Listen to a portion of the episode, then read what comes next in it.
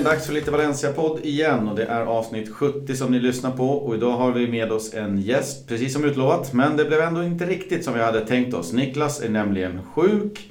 Så vi har skjutit fram den tilltänkta gästen till nästa vecka och istället bjudit in Oskar Sällhed som eh, inhoppare. Väldigt trevligt att ha dig här. Är Allt bra med dig? Alltid fantastiskt.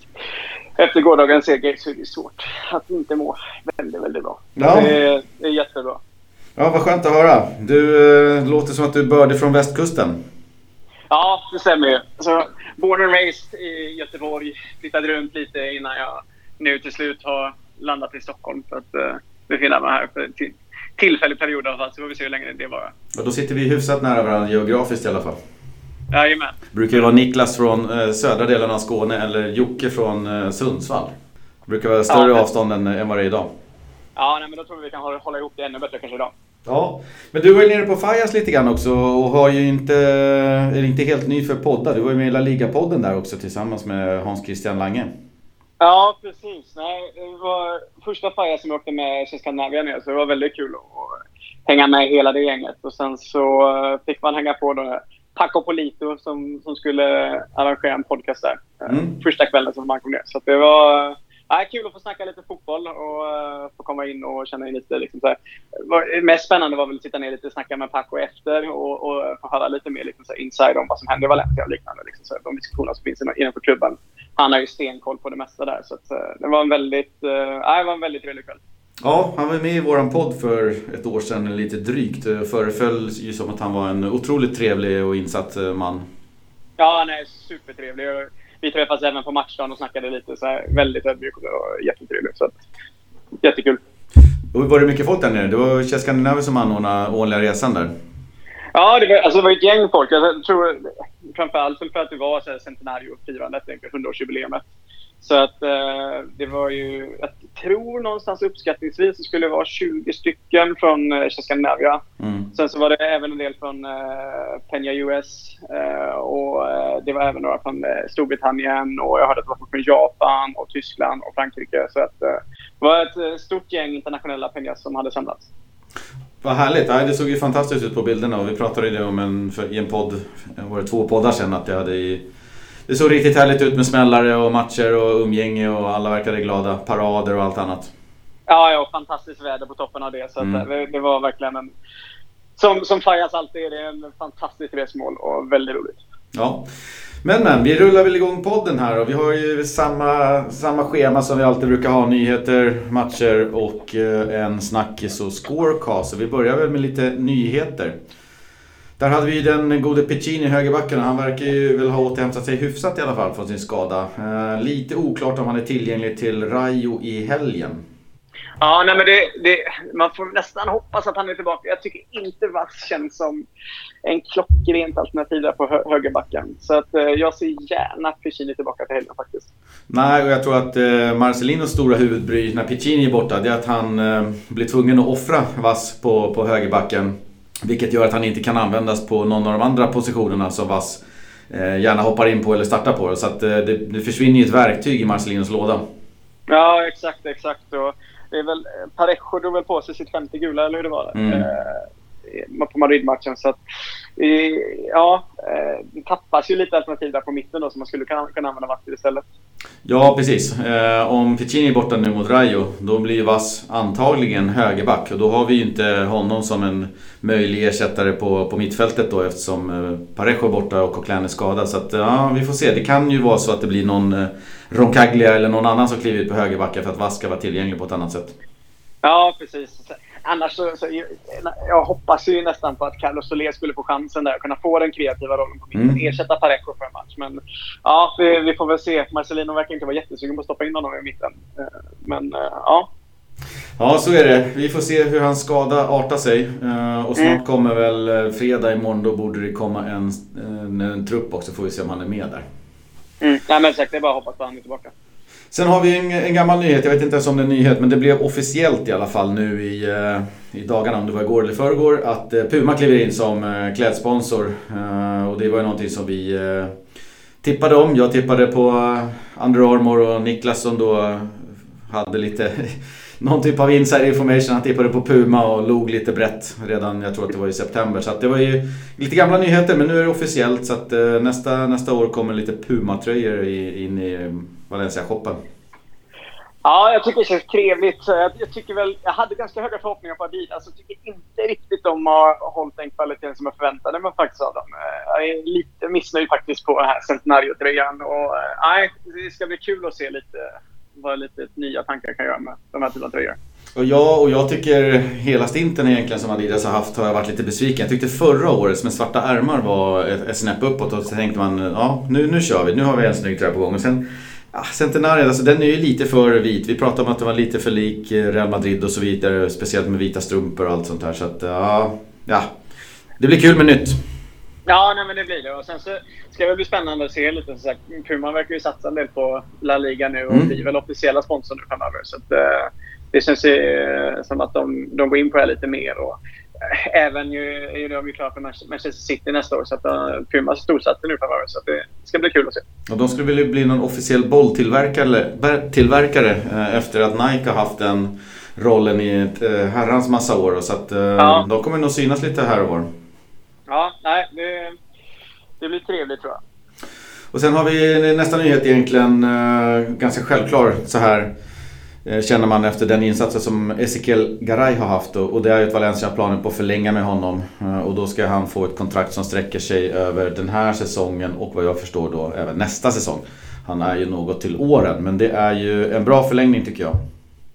Ja, nej, men det, det, det enda lilla som man har emot Garay egentligen det är ju hans skadehistorik och mm. liksom, hans tendens att dra på sig olika skador liksom, i tid och otid. Så att, eh, jag, jag, så man kan ju inte argumentera emot det mot den säsongen han, han har gjort nu i år. Utan så har varit fantastisk. Men det, det, är ju det enda lilla som får en att tvivla på, på liksom hur, hur, liksom hur vettig den förlängningen är. Men det är klart att han ska vara kvar på något sätt. Ja, och jag vet att eh, var det ett eller två år sedan så fanns det ju bud på bordet som var läskigt bra tänkte jag. Jag minns inte exakt vad det var men det var någonstans runt eh, 20-30 miljoner euro. Eh, bud från om det var Rubin Kazan eller något annat ryskt lag på honom. Man valde då mm. att ha kvar honom i laget. Nu känns det som att den tiden är förbi. Han är 32 år. Så eh, antingen så släpper man han väldigt billigt eller så väljer man att behålla honom i och med att det finns ju fortfarande väldigt stor kompetens, eh, väldigt bra back. Så jag tycker att valet är rätt att eh, erbjuda honom en förlängning. Ja, klubben har väl alltid känt till liksom så här, vilken potential Garay har som back. Jag menar, det visade han redan innan han var, liksom, kom till Valencia. Så, att, så här, det är ju en fantastisk back. Så att, eh, det är bara att hoppas att han får vara skadefri till 2020 helt enkelt. Och han har ju den där härliga förmågan eh, som vi har pratat om lite då och då också. Att eh, den andra mittbacken som han har blivit sig så mycket bättre. Eh, bara, att, bara att man får spela med Garay så lyfter man sin eget spel liksom. Ja, nej, men det såg vi framför allt tyckte jag igår, liksom gårdagens match. Jack B tycker jag var fantastiskt bra, mm. men jag tror man kan lyfta med liksom mycket hans prestation tack vare Garay. Så att, eh, nej, uh, jag är väldigt stark ledare där bak som jag tror vi behöver för att hålla ihop den här defensiven. Jag har känslan att han styr och ställer på ett väldigt, väldigt fint sätt uh, sin mittbackskollega och när, när han spelar med Gabriel då så kanske inte behövs så mycket styrning men just med Diakabi så kan det nog behövas en hel del och, och det funkade ju riktigt bra igår mot Real. Ja, nej, men, alltså, jag, jag tycker egentligen Diakaby och eh, liksom, Gabriel Paulista, de, de påminner lite, varandra, liksom, lite om, liksom, om varandra. För de, på något sätt så de båda kan flaxa iväg lite. Mm. Och, och det är där som Garay behövs för att vara det stabila ankaret där bak egentligen. Så att, um, nej. Jag tycker det känns bra. Hoppas han eh, sätter bläcket på pappret inom kort så har vi honom eh, över nästa säsong också. Sen kan vi nämna biljettpriserna. Just biljetterna till den här cupfinalen har ju varit eh, veckans eh, snackis tänkte jag säga i spansk media i tre veckor. Det kommer nya, nya artiklar varje dag om det. Nu är biljettpriserna i alla fall släppta och jag kan ju tycka att de var ganska väl tilltagna om du frågar mig. Eh, men samtidigt så, så säljer de slut arenan så varför rea bort dem eh, om man tänker så. Jag tror att det var Kortsida var det väl en, eh, de sämsta biljetterna. Uh, på andra ring där kostade väl en 500 lite drygt och sen så var det på övre etage, långsida var det mellan 1200 och 1700 och sen så var det väl en 1500 och uppåt om man skulle sitta på, på långsidan nedre ring. Ja, nej, men det är väl så. Eh, liksom, liksom Copa del Rey ser väl möjligheten där för att mm. liksom, det kommer sälja slut. Eh, jag menar, hypen som varit från liksom, Valencias sida, jag kan inte tala för Barcelona, men eh, det är ju inget snack om det. Um, sen så det som är kul med det, det är väl egentligen att, att eh, fördelningen till de internationella pengarna har varit uh, väldigt... Att klubben har varit väldigt givmild med biljetter. Mm. Uh, det väl nästan tio stycken tror jag, per penja. Uh, som var väl långt över det man hade förväntat sig från de olika internationella pengarna. Ja, det är kul. Eh, kul att de tar hand om eh, de officiella supporterföreningarna. Och, och samtidigt, jag menar Går väl, alltså, så, ja, det är mycket pengar, det är klart att det är mycket pengar så här, men säg att man lägger en 500 eller en tusing då så går man, får man åka ner dit till Sevilla och se Valencia ta, ta ett cupguld första gången på 9-10 år så att, då är det ju värt varenda krona liksom. Ja, nej, man börjar lite sådär fråga sig om, om Fajas-prioriteringen var, var helt rätt där. Men, men man får väl ta det att eh, Fajas var en väldigt trevlig upplevelse. Sen så blir det inte Sevilla för, för min del. Men eh, ja, jag vet inte, ska du ner? Nej, jag ska inte ner. Jag valde Eh, Young Boys var jag ju på, kollade på Champions League. Sen var jag nere för tre veckor sedan och kollade Bilbao. Uh, vet inte om prioriteringen var rätt där heller, men det var två vinster i alla fall, så jag är glad. Ja, ja. jag tycker en kryssmatch mot Getafe så kanske inte var en fantastisk match. Men uh, ja, nej. Det får liksom säga, de andra från Skandinavien får hålla flaggan hög helt enkelt. Ja, det kommer bli ett härligt drag där nere och det är två storklubbar som möts med stora supporterskaror så att uh, det kommer bli livat i luckan där nere. Ja, verkligen. Sen hade vi sista nyheten. Valencia är på väg att förlänga kontraktet med en 14-årig mittback då som spelar i kadettnivåerna i Valencia. Han har redan kallats upp till spanska U15 och nu även U16-landslaget. Christian Mosquera heter han och trots lockrop från Real Madrid så ser han nu ut att stanna i Valencia och det är ju helt klart eh, positivt. Det, det ytterligare liksom så stärker den strategin som vi har egentligen med att satsa på de unga spelarna och liksom så lyfta upp från den e-, egna akademin. Jag tycker man har gjort ett jättebra jobb med de senaste åren faktiskt. Eller senaste två åren är väl liksom primärt. Mm. Så att, eh, jag tycker det känns, känns jätteskönt att vi kan signa ännu en talang som vi har kvar. Ja, verkligen. Det var tydligen en målvakt då, eh, förstår jag, från eh, Valencias eh, kadett, eller så 14-åring. Han fyllde ju snart 15 den här killen, som också var med mm. i spanska U16-landslaget. Så att, det finns en hel del Valencia-spelare med landslaget. Vi rapporterade ju förra veckan om Ferran Torres och Carlos Soler och Hugo Guillamon och det var han, vet han, Escobar, anfallaren där. Så det, mm, det. det, finns ett par, tre stycken i varenda, varenda års, årskurs så att säga. Ja, nej verkligen. Och tittar man där nu, liksom så här, samma sak när vi värvar Jorge Sen som också är mm. med och liknande. Så att, äh, det, det ser jätte, jättepositivt ut faktiskt med många unga spelare. Och det, det är ju på något sätt så som vi kan bygga en långsiktig strategi att ta oss tillbaka på topp, på topp igen. Faktiskt. Det enda är väl att halva truppen inte får vila när det är landslagsuppehåll. Nej, exakt. exakt. Men det, det kan man samtidigt säga att alltså, ser det ut för Barcelona och Madrid och ja, Atletico ja. Madrid också. Så att, ska vi vara, vara uppe och slåss så uh, får vi ha spelare som ska klara av det också. Ja, och de vill ju åka iväg på landslaget också. Det är det största som finns för dem. Så att, uh, det bjuder vi på. Ja, ja. Men vi kör en liten jingel där och så börjar vi kika på senaste matcherna och det är ju två stycken. Ja, det är så härligt att snacka ner matcher de senaste matcherna när det går som det gör just nu. Vi har ju en eh, härlig seger mot Sevilla eh, i helgen. Där var det Sevilla-Valencia 0-1. Vi hade Parejo på straff i första halvlekens eh, slutminuter. Och det var ju en riktigt, riktigt skön seger och det var tre oerhört viktiga poäng i kampen om Champions League-platser. Kollar man på expected goals så kanske matchen skulle slutat 1-1 och 0-75-0-92. Men då står ju också Parejos straff för cirka 0,7 av Valencias 0,92. Eh, och de andra är väl kanske Gameros eh, ribbskott. Så att det är chansfattigt för Valencia överlag. Eh, Sevilla hade något större spridning på sina chanser. Ja, men man får nästan säga att det ribbskottet kompenserar för ganska mycket. Alltså. Mm. Herregud, vilken träff han fick på! Ja, den är fin. Ja, det, var, det var nästan så att kamerorna hade svårt att fånga bollen. Liksom, så här. Eh, det är nästan de bästa målen när man dundrar på i den hastigheten och så är det ner på mållinjen och så in och upp i nättaket. Ja, det var så synd att han inte fick göra mål på den. Alltså, det, är, det är ju en gång per säsong man får en sån träff. Alltså. Så att, mm. Eh, ja, lite synd där. Ja, känslan var ju också att eh, alltså det var rätt så jämnt tycker jag första halvlek. Valencia fick en solklar straff tycker jag.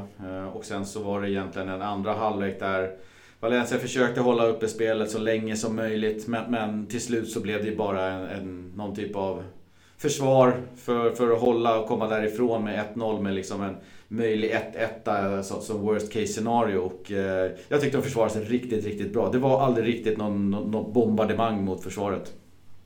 Nej, äh, börjar man med straffen så, mm. så den var inte så mycket att snacka om. Det är ju en flykick från Banega. Liksom, mm. på, uh, så att det, är inte, det, det, var inte så mycket att säga om. Ska man titta på annars så, så är det just det sagt. Det, det, det, som är, det som är så skönt i år tycker jag, det, det är den här tryggheten vi har i backlinjen. Mm. Uh, jag, jag, tycker liksom så här, en, även här, så vi blev ju pressade och det var nära mot slutet. Både den straffsituationen som kom upp och mm. sen, så, sen så också egentligen uh, målet som blev bortdömt. Um, men, men fortfarande, det känns, det känns fortfarande som att det finns ett lugn i backlinjen. Alltså mm. vissa lag, när man, när man pressar på på det sättet och blir pressade så märker man också att backlinjen stressar upp sig. Men det känns som att Marcelino har verkligen satt en trygghet i laget som gör att vi rider ut det här, vi klarar det. Och, äh, det är fantastiskt uh, skönt att känna den även när man sitter i soffan. Att, även ifall det är farligt så det, det känns lugnt. ja, backlinjen har ju varit väldigt solid. Kollar vi på straffarna där så det är ju en riktig karatekick från Banega. Jag tänkte ett tag när man kollar repriserna, fan är inte det där nästan rött alltså? Han, han trycker ju fram, alltså foten är ju som så, han, han har ju tåspetsarna framåt så det är inte liksom en öppen sula med dobbar och det är väl det som gör att han klarar sig. Men annars så är det nästintill rakt ben just när han träffar där så att eh, det är ju en huvudlöst eh, agerat av Banega. Ja, jag antar att han försöker nå bollen, men han mm. misstajmar ju och missbedömer den totalt. Så, så att, ja, där, där ska han nog vara glad att han, han tajmade som han gjorde. Vad säger du om den andra straffsituationen? Det var ju i eh, Valencia straffområde där eh, Gaia och, nu minns jag inte vem det var i Sevilla, som tampas lite grann. Det finns lite armar mm. inblandat och känslan är att Sevilla-spelaren på något sätt lite grann hamnar framför Gaia som då ramlar på bakhasorna mm. på spelaren som, som går i backen. Det var hårfint där. Ja, det, det, det kändes verkligen som att den kunde gått åt båda hållen. Men, men någonstans, jag tycker mig se att det, liksom, det är Gaia som blir som dragen liksom, mm. av Sevilla-spelaren. När han ramlar på honom så är det nog ändå trots allt eh, på grund av den dragningen. Och, så, det, är det, det är det man någonstans säger också. Man, man får vara ganska tacksam för varför. Det stänger den diskussionen ganska, ganska bra ändå. Domarna mm. ansåg att det var ingen straff. Så att, då kan vi gå vidare och vara ganska glada för att vi slapp den straffen. Jag tror precis som jag sagt många gånger förut, eh, anledningen till att det inte blev straff var ju just att domaren inte blåste straff. Eh, mm. Då går man ju till VAR för att kolla, har vi gjort något uppenbart fel? Och tittar man på situationen ja. så kan man inte konstatera att det är något uppenbart fel. Hade han blåst en straff, då är jag ganska säker på att den hade stått sig också. För man hittar inget uppenbart fel att det inte skulle vara straff. Så att, det var tur att han inte blåste straff och gick till VAR istället för tvärtom. Ja, verkligen. verkligen. Det är vi tacksamma för. Sen hade ju Guedes utbytt till paus. Såg lite märkligt ut. Han eh, såg, syntes ju inte som någon skada eller någonting. Eh, Marcelino kommenterade lite grann efteråt att han var eh, vi pratade i förra podden om att han inte hade spelat för Portugal i första, han var inte ens med i truppen. Men då hade han tydligen varit legat sängliggande med feber och varit sjuk. Så det var anledningen. Mm. Och Marcelino angav det som en del av anledningen till att han byttes ut i paus här också. Ja, och det, det, får väl någonstans med tanke på Madrid-matchen nu, mm. nu, så får vi väl känna att det, men det var nog en godkänd anledning. Det, mm. Jag tycker det visar på något sätt det är ju att man har ett otroligt förtroende för, för Guedes. Att mm. Trots att han känns lite krasslig så, så låter man honom starta för att han betyder väldigt mycket för Marcelinos spelidé. Uh, och jag tycker liksom man ser som väldigt skillnad med honom på planen. Så att jag förstår att man vill försöka med honom. Ja, det är kronjuvelen i samlingen, så är det ju. Däremot så kan jag tycka att man visar ju ett oerhört förtroende för en Cheryshev också. Valencia har ju en 1 på bortaplan mot, i en stenhård match som man väljer liksom att ja, eh, spara skulle man väl kunna säga med Gedes och, och tänker att nej, men vi rider hem det här med Cheryshev som, som har mm. Eh, kanske sin svagaste sida på defensiven. Men Marcelino visar ju stort förtroende även för Cheryshev här. Ja, han, av någon anledning så har han ju någon förkärlek för Cheryshev. Jag tycker mm. själv det det är svårt att se. Jag, jag vet... Um, min, min lille, en liten här, sidostory, men min lillebror sprang in, han var i, Manchester uh, för ett mm. antal år sedan, sprang in i Fanchal på en pizzeria. Mm. Uh, och, och uh, min lillebror spelar mycket fotboll så, så de började prata lite och någonstans så frågar Fanchal då liksom så här, men vad, vad, är din, liksom så här, vad är din, liksom, din grej? Vad är det som gör att en annan spelare tittar på dig och säger så här, det, liksom, bara, vi vill ha en snabb yttermittfältare, eller vi vill ha en med bra skott, eller vi vill ha en med bra inlägg. Mm. När, när, när jag nu tittar på Chevy, så jag, jag, ser, jag ser inget av dem. Så här, han är jämn okej på det mesta, men mm. det är väldigt få saker där han sticker ut. Ja, så är det. Han har en hyfsat frejdig offensiv och, och anfallsvilja sådär. Sen är det ju lite rörigt i skallen och, och sådär i de defensiva placeringarna tycker jag eh, själv att han är lite dålig på att placera sig rätt och ta markeringar och sånt där. Det blir lite rörigt men uh, visst, vi slänger in honom i bortamatch mot Sevilla och ger honom en halvlek. Det tycker Marcelino i alla fall. Ja, ja, det löste sig till slut. Så det får... Ja, det är hårfint också. Jag menar, hade det nu blivit 1-1 eh, i den ja. matchen, då hade ju det krysset hängts på runt Marcelinos hals och man hade ju, många hade ju pekat på det. Och varför satte du in Chirushev? Men nu klarar han sig. Alltså, så här, det, det är ju återigen det det handlar om, den fingertoppskänslan alltså, som man, man, kan ha som coach. Och, mm. Ja, Marcelino verkar ha det just nu, så att, eh, det får väl... Ja, det, det, känns, det känns stabilt på något sätt ändå. Jag, jag tycker liksom så här, trots allting, liksom, jag, vi släpper inte till överdrivet mycket på den kanten trots att Chevy kommer in. Så att, uh, ja, äh, ja. Det var bra gjort. Ett, ja, ja. 17 raka talar väl sitt tydliga språk. Så gör det. Jag läste någonstans att det är, det är rekord nu. Eh. Uh, eller rekord, men man, man har inte haft 17 raka på 77 säsonger. Mm. Så att, uh, ja, det är starkt facit. Väldigt starkt. Eh, vi går vidare från Sevilla-matchen. Vi bokför tre poäng där och så kikar vi på en ännu starkare insats möjligtvis. Eh, Valencia-Real Madrid hade vi 2-1 till Valencia. Guedes började 35 minuten, Garay 83. Sen hade vi Benzema 90 plus 3 och där vann ju Valencia expected goals med 1,77 mot 0,86. Så segern känns ju välförtjänt och det är en fantastisk seger av Valencia mot ett något blekt och ointresserat Real Madrid. Eh, som jag uppfattar i alla fall. Eh, de har inte jättemycket att spela för. Allting de deltar i är ju i stort sett över med 10 poäng ner till fjärdeplatsen och sådär. Eh, för Valencias del jätteviktiga poäng in på kontot och nu, nu lever ju Champions League-racet fullt ut. Ja, det man kan titta på den här matchen också. Ur Real Madrid-perspektiv så är det väl egentligen Zidans första riktiga prövning när han mm. hade något av de, de tuffare lagen. Så att, nej, det var ju ingen imponerande spel av Madrid utan jag tyckte through and through Valencia gjorde en fantastisk match på, på alla sätt och vis. Så att, eh, det var rätt läge att möta Real. Ja, det, det, det känns det. Så här. Det är lite rätt säsong nästan att möta Real. Men, men liksom här, även nu så... Ja, och eh, där var jag liksom, Marcelo såg jag fick ganska mycket skit efter matchen eh, på grund av sitt positionsspel och liknande. Men ja, eh, överlag. Eh, det, jag tycker så här, snarare nog också att det ska man vara, vara på det kan att det är Valencia som gör Madrid dåligt också. Det är inte bara att Madrid är dåliga. Nej, så är det. Eh, Valencia gör en fantastisk insats, tycker jag. Eh, vi har ju flera spelare som gör fina insatser där. Jag tänkte på innan matchen så frågade de ju lite kring eh, Zidane och matchen och vad tycker ni? Och, och, alltså det är märkligt när han säger att ah, men det är ju klart uh, att vi kommer att göra vårt bästa. Uh, det är ju en stor match uh, mot en rival på bortaplan och det är en match mm. som alla vill spela. Det finns ju ingenting om att vi måste vinna, här är det tre viktiga poäng och ditt och datt. Utan det är bara att det är ganska avslappnad, mysig stämning där. Han har ingen press på sig och laget har ingen press på sig. Det här är en rolig match att spela. Det finns mm. ingen liksom den här ja, det på engelska heter competitive edge. Eh, den finns Nej. inte eh, hos Real just nu och det tyckte jag märktes lite grann. Ja, men och det, det finns ju vissa lag som, som kan reagera positivt på liksom, när man inte har någon press så kan man spela mm. ut. Liksom, men, men det känns som att Madrid är ett sånt lag som alltid har så höga förväntningar så de är inte riktigt vana med den inställningen heller. Och, det påverkar dem säkert negativt. Så är det. Sen hade vi Guedes mål igen. Härligt, härligt. Eh, väldigt fin aktion. Han vände på en femöring och skruvar in i första stolpen. Eh, lite klurigt för Navas.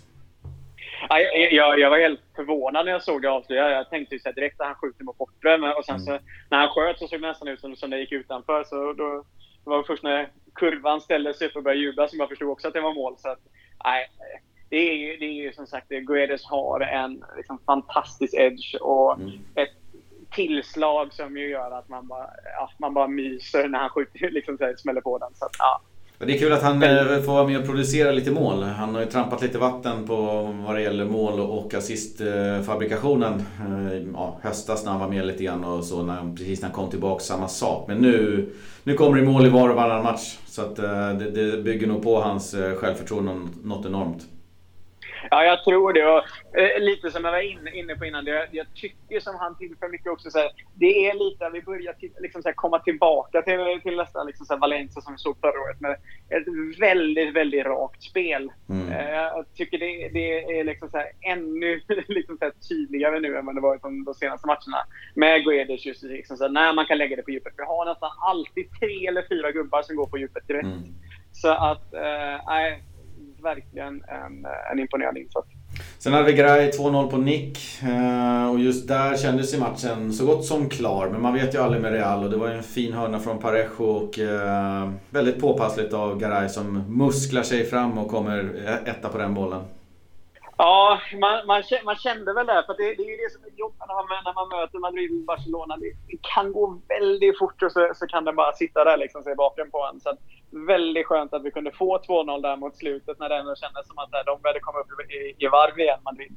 Så att, eh, och, och, och så här, kul att Garay får hänga den. Så vi, vi snackade lite innan om hans fantastiska år som han gjort och hur han höjer liksom, spelarna runt omkring sig. Mm. Och då att få en sån viktig match, kliva in och sätta den, det unnar jag honom verkligen. Ja, sen hade vi försvaret som vanligt då. Trots att Gabriel var sjuk eh, och ersattes något överraskande för mig. Jag visste inte att han var sjuk. Eh, av Diakabi som man känner sådär. Hur ska det här gå? Men, eh, men bredvid Garay så gjorde han det jättebra. Vass var väl halvdan på, på kanten men Gaia var i den sista posten där på vänsterkanten gjorde det bra. Så att, här, härlig insats av backlinjen. Ja, verkligen. Alltså, fram, framförallt Diakabi som jag tyckte var magisk. Jag, han, jag tycker han gör sin bästa match för, liksom, sen han kom hit uh, faktiskt. Uh, så att uh, jag... Nej, och det, det, är just det som sagt. Jag tror mycket har att göra med, med liksom, tryggheten som man får uh, bredvid Garay. Jag har inte riktigt liksom, så status på hur många matcher de har spelat tillsammans. Uh, men, men känslan är att han har spelat en del med Paulista och att har flaxat iväg som värst. Så att, jag, jag var mycket imponerad av hans insats faktiskt. Ja, det var jättekul. Uh, dessutom så ska vi veta att det, det är ju miljarders miljarder som är investerade i, i Madrids offensiv. Så det var inga dussinlirare som stod där och knackade på dörren i form av var Bale och Benzema och Modric och Kroos och alla, alla de andra. Så att, eh, att hålla dem på stången på det sättet som de gjorde och, och, minimera chanserna till, till så få som man ändå tycker att Real skapade så, att, så, så är det en eh, helgjuten insats. Ja, Benzema gör väl nästan sin bästa säsong någonsin i Madrid i år. Mm. Så att, uh, ja, det, det är tufft att stå pall för honom. Även om han fick hänga ändå mot slutet. Men... Sen så ska vi väl ändå nämna Dani Parejo som gör en eh, fantastisk match igen. Styr det mesta på planen, väldigt få misstag, kvitterar eh, idag ut nästan maximala betyg för, från spansk media. Eh, han fick ju 9,5 såg jag i Plaza Deportiva. Det är inte ofta man ser en spelare få 9,5 i betyg. Alltså, vad, vad, ska man säga? Hans vår är någonting utöver det vanliga. Mm. Eh, aldrig sett honom så bra i Valencia. Eh, jag tror tveksamt att han någonsin varit i den formen han är. Eh, hans sätt att hitta öppnande passningar. Också, jag tycker att det som är, är, är också det att man ser att han gör en del viktiga brytningar i defensiven. Uh, ja, igår gjorde han en del viktiga brytningar. Det brukar ju vara tveksamt just på den fronten annars. Ja, precis. Men, nej, men alltså, som sagt, Eh, visar på, på något sätt vilket kaptensmaterial ändå som finns där när han är i form. Så mm. att, eh, nej, jag är mäkta imponerad. Ja, kul att se att formen håller i sig. Parejo är ju oerhört viktig för Valencia så att uh, han får gärna fortsätta. Kollar vi på målsatt, eller boll, bollinnehavet så hade ju Real 64 mot Valencia 36 och det är ju ganska så markant övertag. Uh, vi pratade även med Niklas. Han kunde inte hålla fingrarna ur syltburken. Det var ju jag som bad honom peta ner dem i syltburken. Och sa att han skulle ta fram fem stycken eh, saker som han tar med sig från matchen. Så jag rabblar upp de här en efter en. Så får du kommentera om du håller med Niklas eller inte. Jajamän. Punkt nummer ett hade vi Garay, utropstecken. Argentinarna fortsätter leverera viktiga mål på nick mot Real Madrid. Dessutom en solid eh, insats i försvaret. Ja, nej, det, det går väl inte att säga, säga någonting annat. Eh, så andra punkt har Niklas med Valencias tålamod och lugn. Eh, lite press, tillbakapressad i början men går aldrig bort sig utan jobbar systematiskt in sig i matchen och tar över allt eftersom. Och det är ju en spot on beskrivning också som, som jag upplevde det. Mm. Nej men verkligen och jag, jag tycker det, det det det kommer från det är återigen så här, lugnet i försvaret som, som gör att så här, det gör ingenting om liksom, motståndaren pressar på i början. Utan man, man, sen så vet man att man har kontringarna där som sagt man har fyra spelare som går full fart och, och, då är det alltid farligt. Och efter ett tag då så börjar lagen backa hem och lite, bli lite mer nervösa och inte vilja lämna så mycket ytor längre där bakom sig. Så att, eh, jag tycker man gör det jättebra.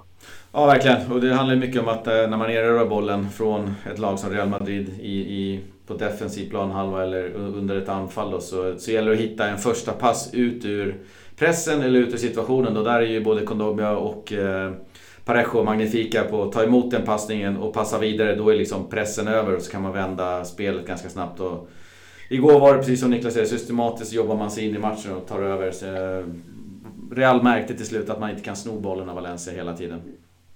Ja, och, det, och det är ju där som sagt, vi har Guedes och Soler på varsin kant. Mm. Eh, Guedes får ju, får ju mycket cred, men jag tycker Soler också gör en väldigt, väldigt bra insatser. Har gjort det de senaste matcherna. Mm. Jag tycker han, hans, hans form har varit lite sådär under våren, men de senaste matcherna har han verkligen sett ut också som att han börjar liksom, följa med lagens liksom, så ytterligare prestationer. Så att, nej, jag tycker han också med sin speed och liknande tillför väldigt mycket. Mm. Punkt tre då. Defensiven helt vattentät. Inte många klara målchanser ens för Real Madrid mot Valencias samlade försvar. Det har vi varit inne lite grann på, så var det ju. Det var en eh, solid defensiv insats och inte ens storkanonerna från eh, Madrid kunde hota speciellt mycket. Nej, det finns inte så mycket att säga. Nej, slarv i offensiven har Niklas skrivit upp som punkt nummer fyra. Då. Flera fina omställningslägen likt de vi hade mot Sevilla som slarvas bort med dåliga beslut och dåliga sista passningar. Fyra mot två lägen, två, tre gånger. Borde dödat denna match tidigare, samma mot Sevilla. Och där känner jag att Eh, dels Rodrigo hade ju några mm. kantiga bollbehandlingar där och det är lite trist. Det finns ju så mycket mer i, i Karn. Ja, och, och där, där, någonstans så, så, får man väl se det som att både han och Gamero, de, de ligger ju lite, lite bakom där. Så när vi sticker med iväg med kanterna så ska de komma på avsluten. Och liksom när inte de sätter toucherna så, så, som de borde så då tappar vi chanserna. Då hinner det komma tillbaka någon extra spelare och då eh, har vi tyvärr liksom så här, spelat bort den chansen. För oftast, så jag tycker liksom där vi är som starkast, det är kontringarna när vi bara kör full fart framåt. Och, uh, ja, det, det, är lite synd när vi ska serva bort de lägena. Sen hade vi femteplatsen, Gaia! Utropstecken. Valencias bästa spelare denna säsongen. Grymt, eh, grym insats, återigen felfri tycker Niklas. Ja, det är väl absolut så här. Han, är, han slåss ju med Parejo tycker jag om mm. den titeln som, som ju också varit eh, briljant som sagt. Men eh, nej, alltså det, det, det som är roligt med Gaia det är ju på, på liksom här, hans förmåga att skapa saker offensivt och trots att han kanske inte är den liksom, så här, kraftiga eh, liksom, ytterbacken så sett så håller han ändå rent på sin kant. Jag tycker mm. han är duktig på att vinna duellerna. Eh, det är alltid, ibland så blir man lite smånervös när det kommer en mot en men mm. ofta så löser han det väldigt, väldigt bra. Och han fick också fina betyg i Plazan. De skriver att Canterano är en av Europas bästa eh, backar just nu. Alltid koncentrerad och det är väl det som är lite, alltså han har ju haft några misstag här och var. Jag minns någon gång när han slängde sig iväg och skulle nicka någon boll som flög över. Det finns, ja, precis som alla spelare så gör väl han några misstag. Men generellt så känner jag att hans lägsta nivå har väl varit hans styrka den här säsongen. Att han aldrig riktigt fallit igenom och gjort några plattmatcher. Nej, men, och det är ju oftast liksom beviset på att en spelare slår igenom ordentligt. Mm. Det är ju alltid det man pratar om. Unga spelare, där är det tyvärr oftast att man har en del matcher där man har liksom, så att man lyckats inte komma upp i den nivå som man borde ligga på. Mm. Gaia har legat väldigt stabil det här året. Så att, ja, det, det blir spännande att se fortsättningen på den här historien. Det var punkt nummer fem. Niklas slänger på en bonus också. Uh, Parejo Kondogbia ägde mittfältet mot Modric och Kroos och Asensio Isco. Fullständigt åt upp dem. Ja, nej men det är liksom med de spelarna man möter så är det ju absolut imponerande att man, mm. man tar över där och som sagt stänger ner. Och vi, vi pratade om det innan, Parejos defensiva arbete som var fantastiskt den här matchen. Även Kondogba är ju alltid fantastisk på in i mitten. Så att eh, det blir väl just det som vi nämnde lite i början. Det blir intressant att se om man formar mittfältet till eh, nästa match. Mm. Ja, verkligen. Det blir eh, en nöt att knäcka och den tänkte vi ju kika lite grann på nu efter den här lilla gingen.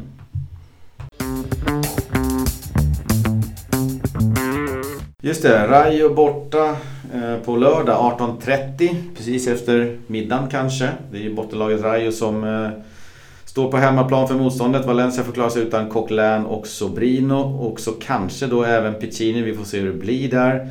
Men Parejo fick sitt femte gula kort mot Real eh, och det är, gör att han är avstängd. Nu ska Valencia överklaga den på lite tveksamma grunder tycker jag.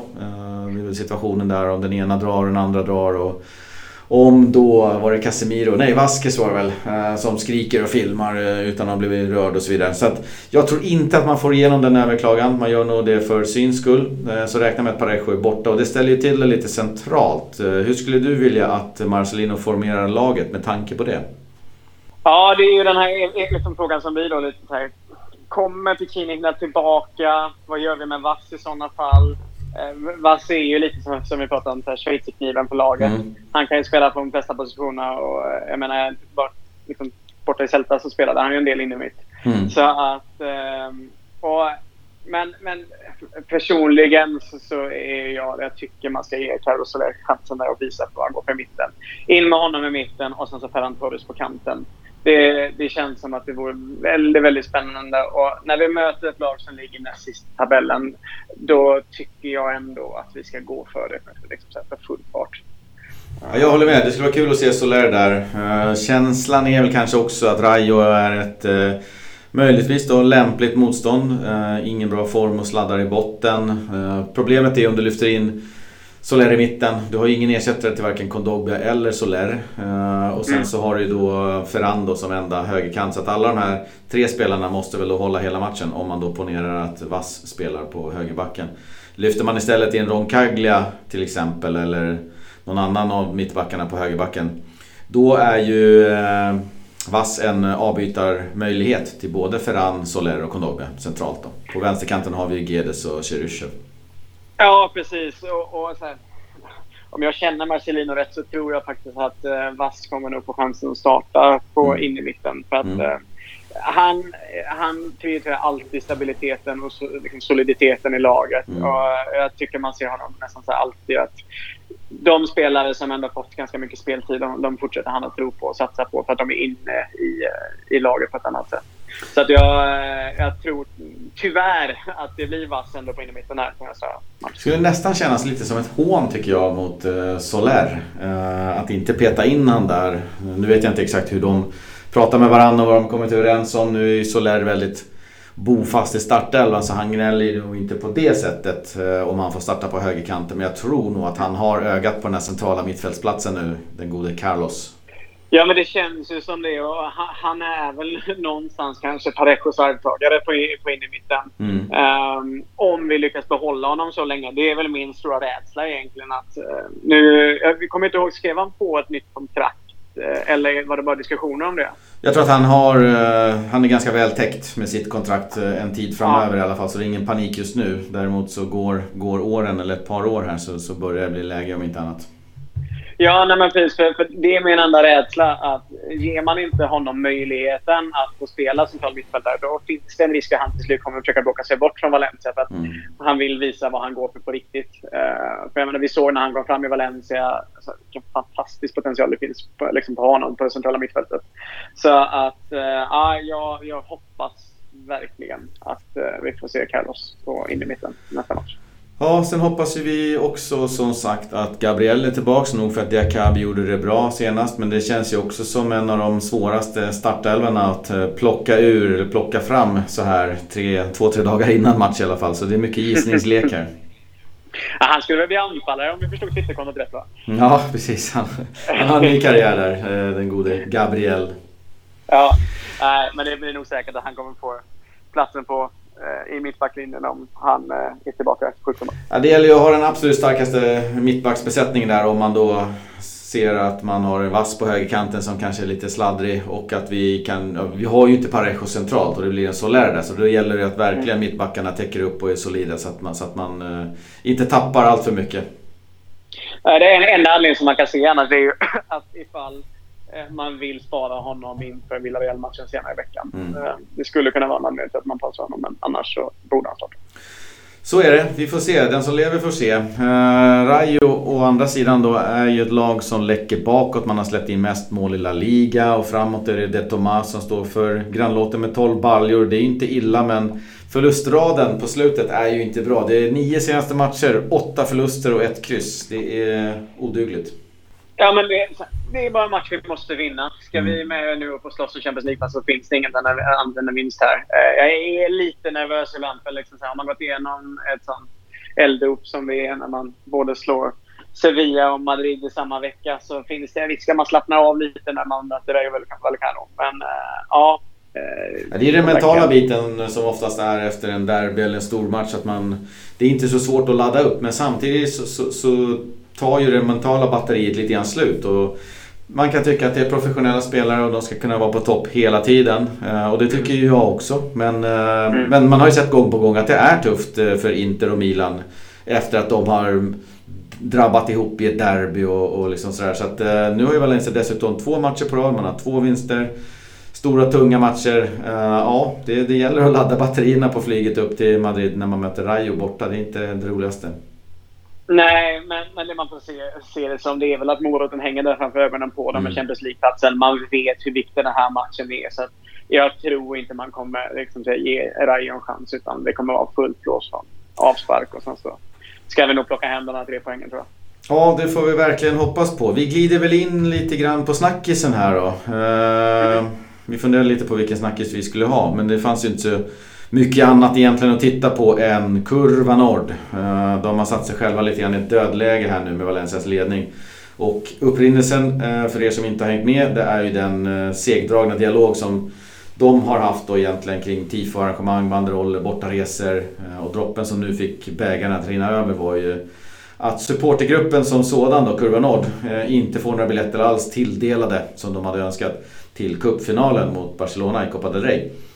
Eh, man hade då önskat en avdelad session så att man kan ha, bilda en klack eller något liknande i något hörn av arenan. Eh, man fick ingenting och det beror ju på att man inte är en officiell penja. Valencia eh, har ju delat ut 3200 biljetter till de officiella penjorna. Så det har man skött bra så att de fick fina biljetter. Sen är det årskortsinnehavare som får och sen är det lite sponsorer och det som sticker lite grann kurvan i ögonen är att de tycker att eh, Valencias ledning har gett lite för mycket biljetter till sponsorer och vänner och bekanta och sådär. Så att nu har de eh, proklamerat att eh, sången tystnar från deras kortsida. Men det såg ut att vara lite sådär med det igår mot Real. Ja, det var, de kunde ju inte hålla sig till slut. De kämpade hårt där första halvlek, men sen i andra halvlek så var det igång. Man, man får ju någonstans liksom så här, från det att jag, jag gillar ju ändå liksom så här, passionen tar över till ja, slut. Ja, ja. Liksom så här, trots allt liksom, agg och groll så liksom så här, när man leder med 2-0 mot, mot Madrid då, då, finns det inget annat. Då är det liksom så här, då är det alla ska med upp och sjunga och ställa upp laget. Så att, eh, ja, det, var, det, var, skönt att se, även om det inte löser själva konflikten som finns där. Mm. Nej, och det var ju eh, faktiskt en hel del andra delar av Mestalla som drog igång gamla välkända ramser och försökte lite grann. Det tog ju inte samma fart alls som, som när kurvan eldade på. Men, men eh, det var ju inte bibliotekstyst. Det var ju inte Emirates vi snackade om. Nej, men då, och det är det man någonstans får ge Mestalla. Att det är alltid liksom stämningen där. Och är det så att kurvan inte sjunger så ställer resten av arenan upp på laget och liksom manar på dem. Uh, det är lite som du säger, det är ganska intressant där liksom, man drar parallellen till de engelska lagen som, där det är knäpptyst. Jag menar, supporterkulturen i Valencia känns uh, mer levande än någonsin. Så att, uh, nej, väldigt kul att liksom, se och höra. Sen kan jag tycka, om man ska lägga in några personliga värderingar i vad, vad som pågår där, att uh, här är det ju två, två parter tycker jag som uh, dansar en jävligt dålig tango. Uh, å ena sidan så tycker jag att Kurva Nord sköter väl sig hyfsat bra. Uh, de hade ju lite problem förut när Valencia gick jättedåligt när man påstod sig då hota lite andra folk på den läktaren att man inte skulle sjunga och man, man var väldigt, väldigt öppet kritiska och det fanns även inslag av våld och lite politiska åsikter och till och med lite rasism och så. Och då hade ju Valencia helt tagit avstånd från det och bröt egentligen totalt samarbetet och införde en herrans massa ganska tuffa restriktioner om vilka som fick komma in på matcherna och folk blev av med sina årskort sådär eh, utan några enkla förklaringar. Så visst har det funnits problem. Däremot så tycker jag väl att generellt att eh, kurva 0 sköter sig ganska bra nu från min synvinkel. Eh, man kräver inte för mycket, man, man är inte för stökiga och man, det verkar som att man för en dialog. Så att fine, uh, fortsätt med den dialogen. Jag tycker inte att en, en liksom, tyst kortsida kanske löser någonting. Sen tycker jag liksom jag menar Valencia och sin sida, jag menar, får man 21 000 biljetter och efterfrågan är så stor, det, det är ju ganska ganska självklart i min bok att man tar hand om årskortsinnehavarna som, som självklart ska ha tilldelning och då är det ju långt många fler årskortsinnehavare eh, som man har än eh, biljettilldelningen. Då. Men jag tror att man delar ut 14 000 eller lottar ut 14 000 bland de 30, plus 30 000 plus årskortsinnehavarna. Och sen var det 3200 då till de officiella penjorna och det är ju som det ska, väldigt många biljetter till dem. Eh, och anledningen till att Kurva Nord inte fick några biljetter var ju för att de inte är en officiell penja.